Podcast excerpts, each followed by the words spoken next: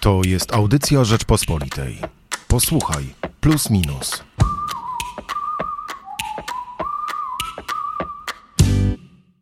Czwartek 24 lutego zmienił wszystko. Od niemal miesiąca nie tylko jesteśmy państwem frontowym i gościmy ogromną liczbę uchodźców, atak putinowskiej Rosji na Ukrainie sprawił też, że znacząca część z partyjnych międzynarodowych sojuszy legła w gruzach. Ci, z którymi obóz rządzący Polską chciał budować opozycję wobec dominującego w Unii Europejskiej nurtu liberalno-lewicowego, albo wprost opowiedzieli się po stronie Putina, albo nie są w stanie wydusić z siebie jasnego potępienia jego działań. Niekiedy nawet przekonują, że to NATO sprowokowało Rosję do obrony swoich interesów. Prawica po Putinie. O tym zrobiliśmy najnowszy numer magazynu Plus Minus. I o tym porozmawiamy sobie teraz w redaktorskim duecie. Michał Płociński i Michał Szudrzyński. Zacząłem od fragmentu tekstu Tomasza Terlikowskiego, który pisze o czterech postulatach nowego konserwatyzmu. Pisze tak: Mocno wierzę w to, że konserwatywna prawi prawica jest w Polsce potrzebna. Wojna Putina sprawiła jednak, że musi przemyśleć swoją drogę intelektualną i polityczną. I ja powiem, Michale, od razu, że moim zdaniem to, co wydarzyło się na Ukrainie, to jest wręcz rewolucja ideowa i intelektualna e, dla prawicy.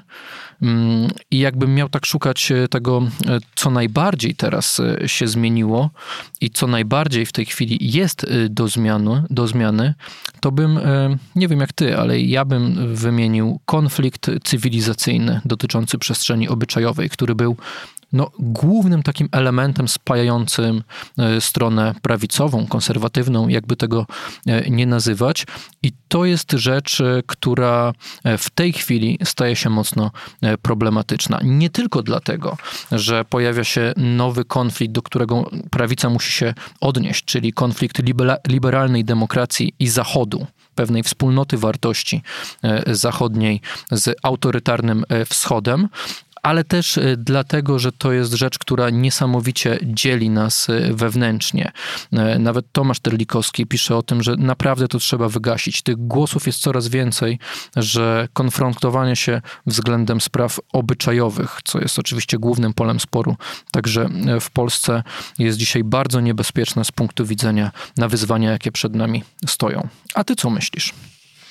Ja uważam, że tekst Tomasza Terlikowskiego jest bardzo ciekawy. To znaczy, ta jego propozycja mm, wydaje mi się niezwykle, niezwykle interesująca, dlatego że mm, to zresztą przebija w obu tekstach, które mamy w plusie minusie, znaczy i w tym manifestie Tomasza Tolikowskiego, e, i w tym, co mówi Rafał Matyja, a mianowicie, że dzisiaj prawica w Polsce, e, to co się dzisiaj nazywa prawicą, jest całkowicie niepolityczną prawicą. To jest prawica kulturowa.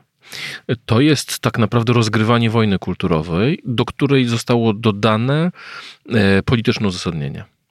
E, I tam, gdzie Terlikowski mówi, że trzeba e, na moment odsunąć spory mm, właśnie kulturowe, dlatego na, na rzecz polityki, to mi się wydaje niesamowicie, niesamowicie ciekawe, dlatego że patrząc na to szerzej, e, no, co, co, co sprawiło, że e, partia rządząca w Polsce poszła e, w sojusz z Marine Le Pen, czy, czy Wiktorem Orbanem, czy, czy, czy hiszpańskim Voxem, mimo że no, co zwracaliśmy wielokrotnie uwagę, są to partie historycznie stojące na zupełnie innych, e, innym punkcie widzenia.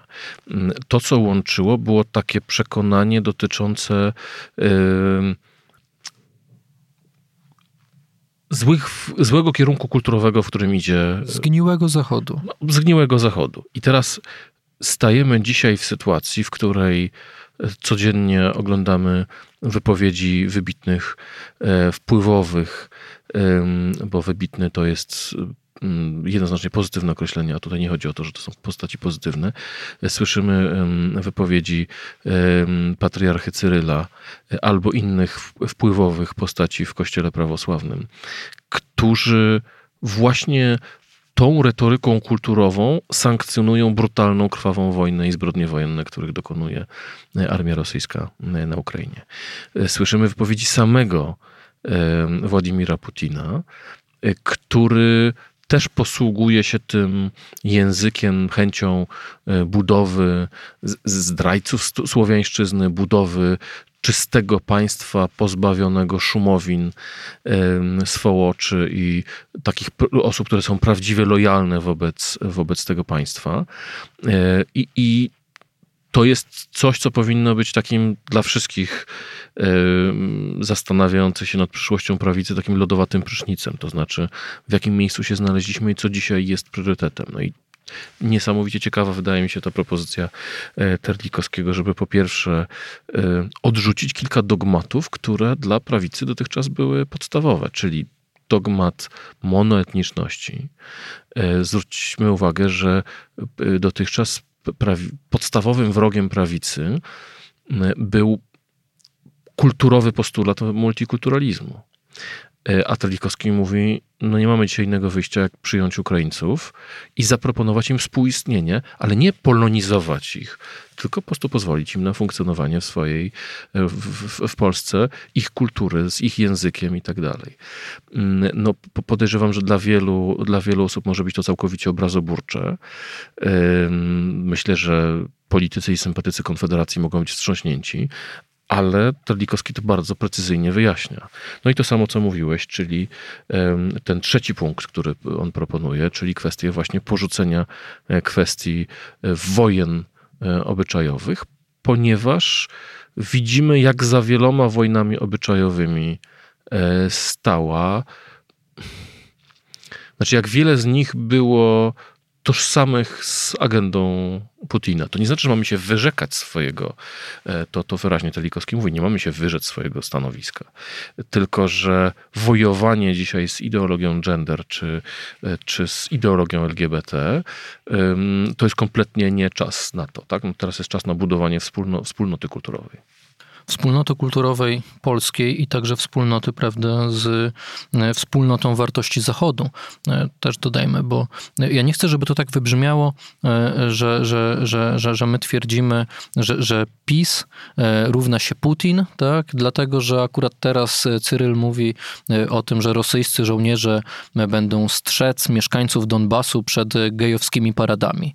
Nie, to jest trochę przypadkowa zbieżność, szczególnie patrząc na, na, na to, dla, jak, jak PiS się znalazło po tamtej stronie i że wcale wcześniej e, jak Marine Le Pen, czy jak inni politycy zachodni, nikt z Prawa i Sprawiedliwości nie wypowiadał się dobrze o, o putinowskiej Rosji. Po prostu pojawia się moim zdaniem e, taki moment historyczny, e, zdaniem też Terlikowskiego, że trzeba zupełnie inaczej spojrzeć i znaleźć zupełnie inną narrację, która będzie pasowała do dzisiejszych e, wyzwań. Liberalna demokracja, zgniły Zachód, z którym wcześniej walczono, bo powiedzmy sobie szczerze, były też argumenty, które pokazywały, że rzeczywiście jest pewne zagrożenie dla polskiej wspólnoty politycznej ze strony na przykład e, e, może nie tyle laicyzacji, co kopiowania jeden do jednego pomysłów, które na Zachodzie nie do końca się sprawdzały. Nawet z wielokulturowością można było znaleźć mnóstwo e, powodu, e, mnóstwo argumentów, że nie ma co tego e, kopiować. Dzisiaj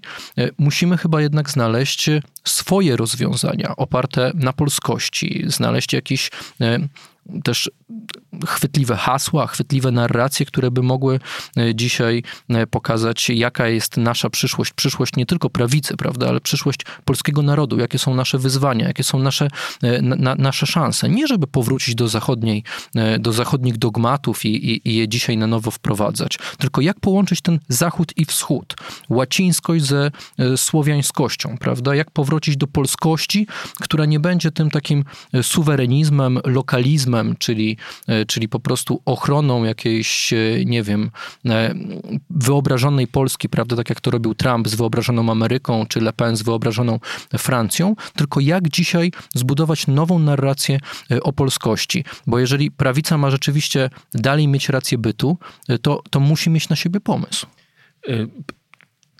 Całkowicie z tą zgadzam. Tutaj warto to podkreślić, że mm, ani Terlikowski, ani w żadnym z innych tekstów nie mamy takiego przekonania, że e, tutaj PiS reprezentował agendę Putina. Raczej chodzi o pewną zbieżność e, i o wyciągnięcie wniosków z tej sytuacji, w której stanęliśmy po, po tej wojnie. I to, co pisze Telikowski, to jest moim zdaniem fundamentalne, to znaczy kwestia tego zachodu, to znaczy tak, mamy, możemy krytykować Zachód z perspektywy chrześcijańskiej. E, niemniej, e, i on to właśnie podkreśla, że nie można twierdzić, że, że, że Rosja tej, tego chrześcijaństwa broniła. No mu zaprzeczała. Tak? Znaczy, ten, ten bizantyjski e, sposób patrzenia na, na religię, na związki religii z Kościołem też powinien być dla nas pewną nauczką. To znaczy, liberalna demokracja to jest miejsce, gdzie jest. Znaczy, o, popatrzmy sobie na Rosję i z drugiej strony na Stany Zjednoczone. Stany Zjednoczone jako kraj, w którym religia jest bardzo mocno obecna publicznie. Prezydent Stanów Zjednoczonych w co drugim zdaniu mówi: Niech Bóg błogosławi, modlimy się i tak dalej. A jednak tam w Stanach nie ma instrumentalizacji żadnej religii. Tak? A na drugim biegunie mamy, mamy patriarchę Cyryla, który, mm, który mm, no, tak naprawdę jest kolejnym obok, obok y, służb specjalnych i armii narzędziem władzy e, Putina. To o to chodzi. Tak? I, I zresztą tradycja polskiego republikanizmu jest tą tradycją bardzo bliską e, tej kulturze e, amerykańskiej, czy tym, czy tym amerykańskim amerykańskiemu rozumieniu e, religii w przestrzeni publicznej. Tylko Mówimy właśnie... o pierwszej Rzeczpospolitej, prawda? Pierwszej Rzeczpospolitej, ale też tych tradycjach, które się pojawiają w Polsce, pokazujących właśnie, że, e, czy, czy, czy przypominających, bo tutaj Telikowski też się odwołuje, prawda, do, do, do, do, do myślenia Jana Pawła, prawda, takiej, że chrześcijańskie rolą chrześcijaństwa jest e, ta metapolityka, nie taka czysta polityka e, i jak gdyby praca na polu kultury. E, natomiast nie bezpośredni sojusz polityczno-instytucjonalny z, z no, kościołem, czy cerkwią, czy, czy, czy religią. No, jeżeli chodzi o Kościół, to to jest wątek, który ty poruszasz w swoim e, wywiadzie z Rafałem Matyją. Z Rafałem Matyją, który z jednej strony e, przez lata e, sam się określał jako konserwatysta, był uważany za, za jednego z najciekawszych politologów, filozofów, takich historyków idei konserwatywnych. On był przecież twórcą słynnego hasła czwartej Rzeczpospolitej, którą Prawo i Sprawiedliwość wzięło na sztandary w 2005 roku, ale który od tego konserwatyzmu konserwatyzmu, jak zresztą sam w tej rozmowie przyznaje, odszedł. E, i poszedł w stronę zdecydowanie bardziej e, liberalną. I rozmawiacie o kościele, o tym, czy polski kościół rzeczywiście, ja tak to odebrałem, e, czy polski kościół rzeczywiście nie stanął trochę w miejscu podobnym do rosyjskiej cerkwi, czyli trochę nie uznał, że mm, zgniły Zachód, wszędzie przemiany, a tu jest ta święta Ruś, święta Polska, nieskażona lud, nieskażony tą straszną cywilizacją, e, zachodnią, który będzie właśnie ostatnią ostoją e, chrześcijaństwa. Mam wrażenie, że jeżeli tak było, to to jest ostatni moment, kiedy, kiedy możemy dokonać zmiany, tylko ja nie do końca jestem przekonany, że my jeszcze jesteśmy w stanie e, tak dużą woltę w polskim kościele wykonać. No to, jest, to jest w ogóle bardzo dobre pytanie.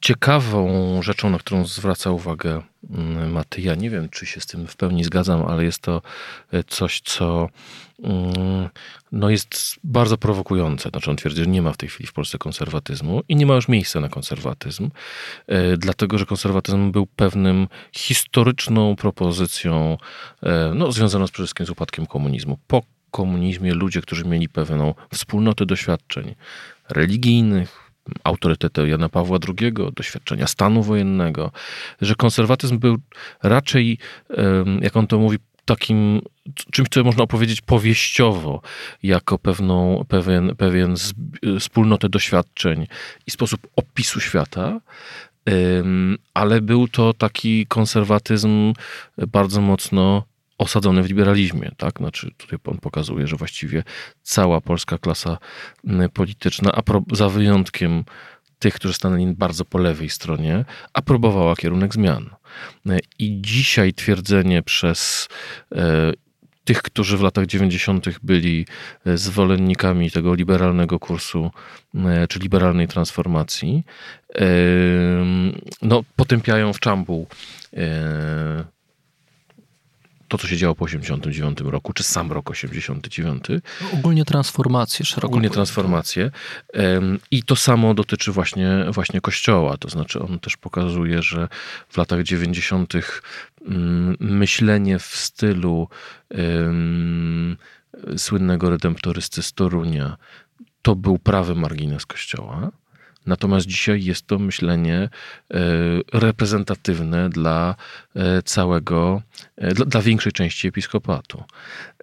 Z czym się nie do końca zgodzę, ale rzeczywiście jest to ten język najbardziej słyszalny, tak? bo mam wrażenie, że jest sporo biskupów, którzy się nie zgadzają z takim właśnie ostrym, kulturowym, kulturową wojną. Tutaj myślę, że Mateja ma rację, to znaczy, że, że w sytuacji, w której tak naprawdę jedynym kryterium katolickości jest poparcie dla mm, wyroku Trybunału Konstytucyjnego w sprawie aborcji, no jest to radykalne uproszczenie tego, czym jest Kościół, czym jest religia, czym jest chrześcijaństwo.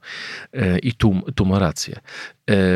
Ale też po, pokazuje, jak to się zmieniło, no chociażby w stosunku do Europy. Przypomina, że e, osoba Konrada Szymańskiego kiedyś e, podczas negocjacji mm, akcesyjnych i referendum polskiego była mm, naj, takim najbardziej eurosceptycznym, znaczy zwolennikiem wejścia do Unii Europejskiej, ale pokazująca e, pewne ryzyka z tym związane, a dziś ta sama postać jest najbardziej proeuropejskim politykiem w obrębie obozu rządzącego, co pokazuje, jak i Kościół się zmienia, i, i PiS się zmienił.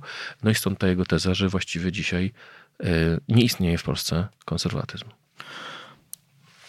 Najciekawsze chyba w waszej rozmowie jest e, wyłapanie tego, tej, tej fi, historycznej fali, która moim zdaniem mm, tak naprawdę rzutowała na całą mijającą dekadę, fali suwerenizmu, tak możemy ją chyba nazwać, e, która wyniosła do władzy i Donalda Trumpa, i Prawo i Sprawiedliwość, i która spowodowała Brexit, jak twierdzi e, Rafał Matyja. I było takie poczucie, nie wiem, 7 lat temu, 6 lat temu, że to jest fala, e, na którą trzeba się e, załapać i to jest fala, e, jeżeli ktoś się na nią nie załapie, to po prostu z, na prawicy zniknie. Tak pisał choćby, przypomina tutaj słowa Marka Cichockiego, Rafał Matyja.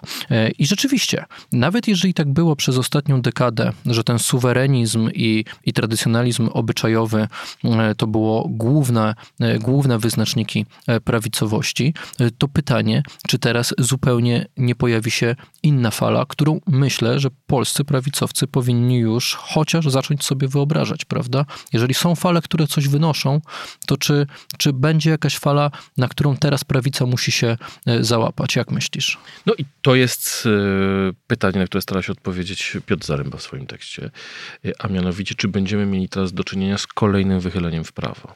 Dlatego, że... Specyficznym wychyleniem też. Tak, ale ale takim, takie prawo patriotyczne. To znaczy, że będzie teraz takie przekonanie, że ci, którzy mówili e, odbudowujmy polską armię, odbudowujmy tradycję polskiego nie chcę użyć słowa militaryzmu, bo, bo to jest e, raczej jednoznacznie ma pejoratywne znaczenie, ale takiego patriotyzmu e, kojarzonego jako no, chociażby przez ostatnie lata dosyć groteskowo to wyglądało, ale mieliśmy e, taką modę, że wielu, e, wiele osób się chwaliło, że chodzi na e, strzelnicę i tutaj swoje umiejętności w tym zakresie mm, zwiększa. No, w tym, a, a równocześnie widzimy, że na Ukrainie liberalni muzycy, czy jak gdyby postacie ze świata popkultury które no, naj, najczęściej mają poglądy y, wielkomiejsko-liberalne, rzucają wszystko i dołączają do obrony terytorialnej.